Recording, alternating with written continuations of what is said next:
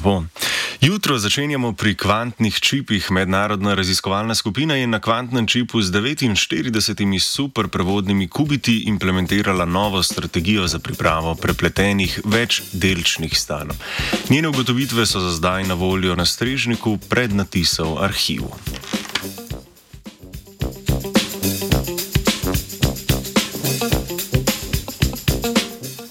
Eden izmed osnovnih stebrov kvantnega računalništva je zmožnost priprave mnogodelčnega stanja, s katerim izvedemo določen algoritem. Trenutno je kubite mogoče pripraviti v želeno mnogodelčno začetno stanje, denimo s počasnim usmerjanjem simuliranega sistema v tarčno konfiguracijo. Izbrana je tako, da je želeno večdelčno stanje v njej osnovno stanje, torej ima od vseh stanj najmanjšo energijo. Ta metoda odpove za sisteme, pri katerih osnovno stanje od preostalih ločuje energijska reža, saj v tem primeru vzbojenih stanj ni mogoče počasi deformirati v osnovno stanje.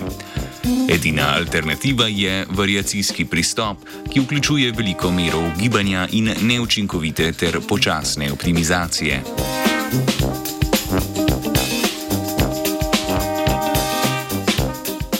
Mednarodna skupina se je osredotočila na povsem drugačen način priprave mnogodelčnih stanj z uporabo disipacije.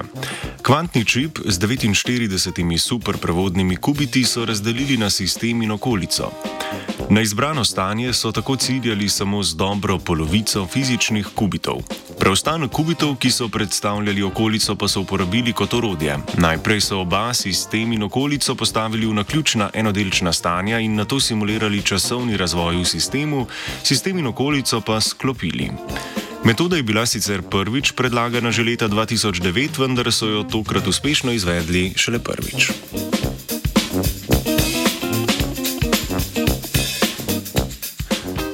Glavni tehnični napredek, ki je omogočil izrabo disipativne sklopitve z okoljem za pripravo kvantnih stanj, je hitro ponastavljanje kubitov okolice.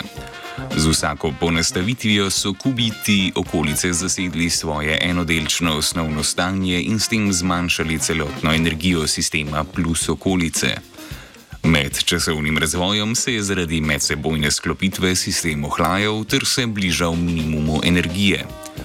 Pomembno je še, da je sistem poleg ohlajanja med časovnim razvojem ohranil kvantno naravo. Zato je lahko razvil kvantne korelacije in sčasoma na mesto klasičnemu postal bolj podoben kvantnemu mnogodelčnemu osnovnemu stanju simuliranega modela.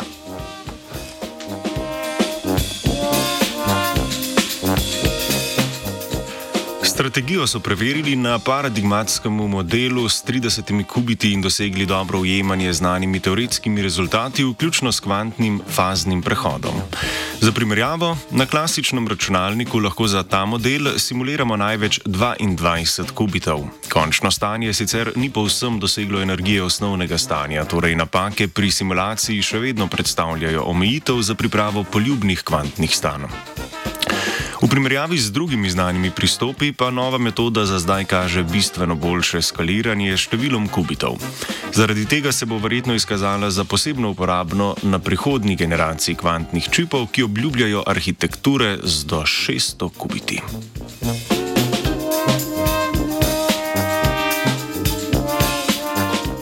Znanstveni Britov je pripravil Martin.